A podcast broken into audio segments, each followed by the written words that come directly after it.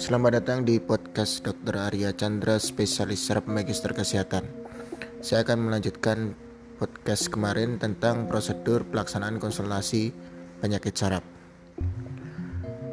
Sebelum ke dokter spesialis saraf kemarin teman-teman harus mempersiapkan kondisi tentang riwayat kesehatan teman-teman sebelumnya dan nanti ke datang ke dokter spesialis saraf nanti akan di periksa tentang pemeriksaan saraf.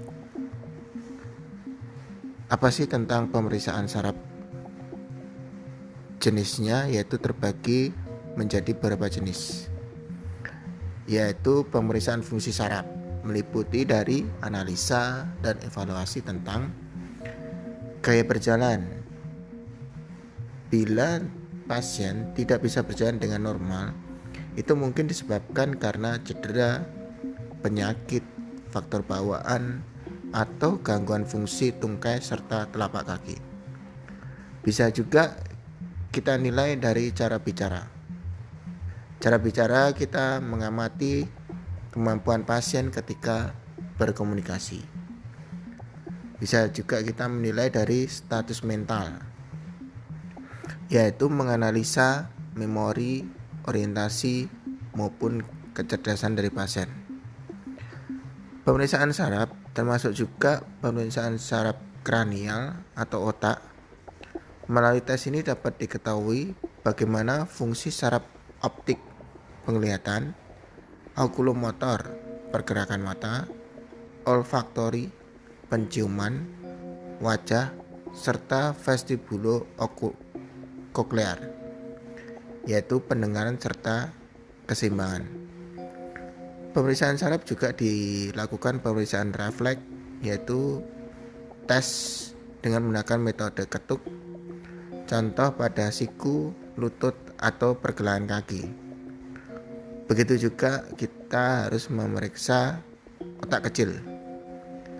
Ada tidak gejala di satria yaitu lambatnya bicara atau cadel.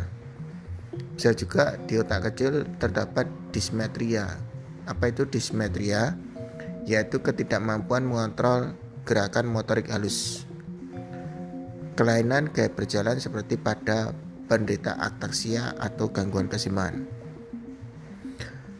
Berikut juga diperiksa dari pemeriksaan meningial, yaitu dilakukan tes kekakuan leher, seperti pemeriksaan Brudzinski dan pemeriksaan Kernik yaitu tes kelenturan pada persendian panggul ketika membentuk sudut 90 derajat.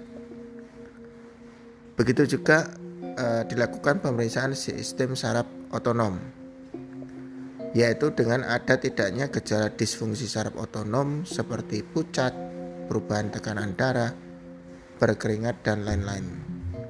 Dokter saraf juga akan memeriksa sistem saraf motorik, yaitu menganalisa gerak, bentuk, maupun ukuran kekuatan dan massa otot serta pemeriksaan saraf sensorik ini untuk mengetahui respon saraf terhadap sentuhan, rasa sakit, suhu, getaran, dan sekaligus kemampuan identifikasi bentuk dan ukuran objek tertentu. Bermacam-macam pemeriksaan saraf itu ya teman-teman. Oleh karena itu nanti Teman-teman bila datang ke dokter spesialis saraf ada keluhan gangguan saraf, serang dokter saraf akan tentu saja melakukan pemeriksaan saraf tersebut. Oke, cukup sekian, sekian podcast kali ini. Semoga bermanfaat. Terima kasih.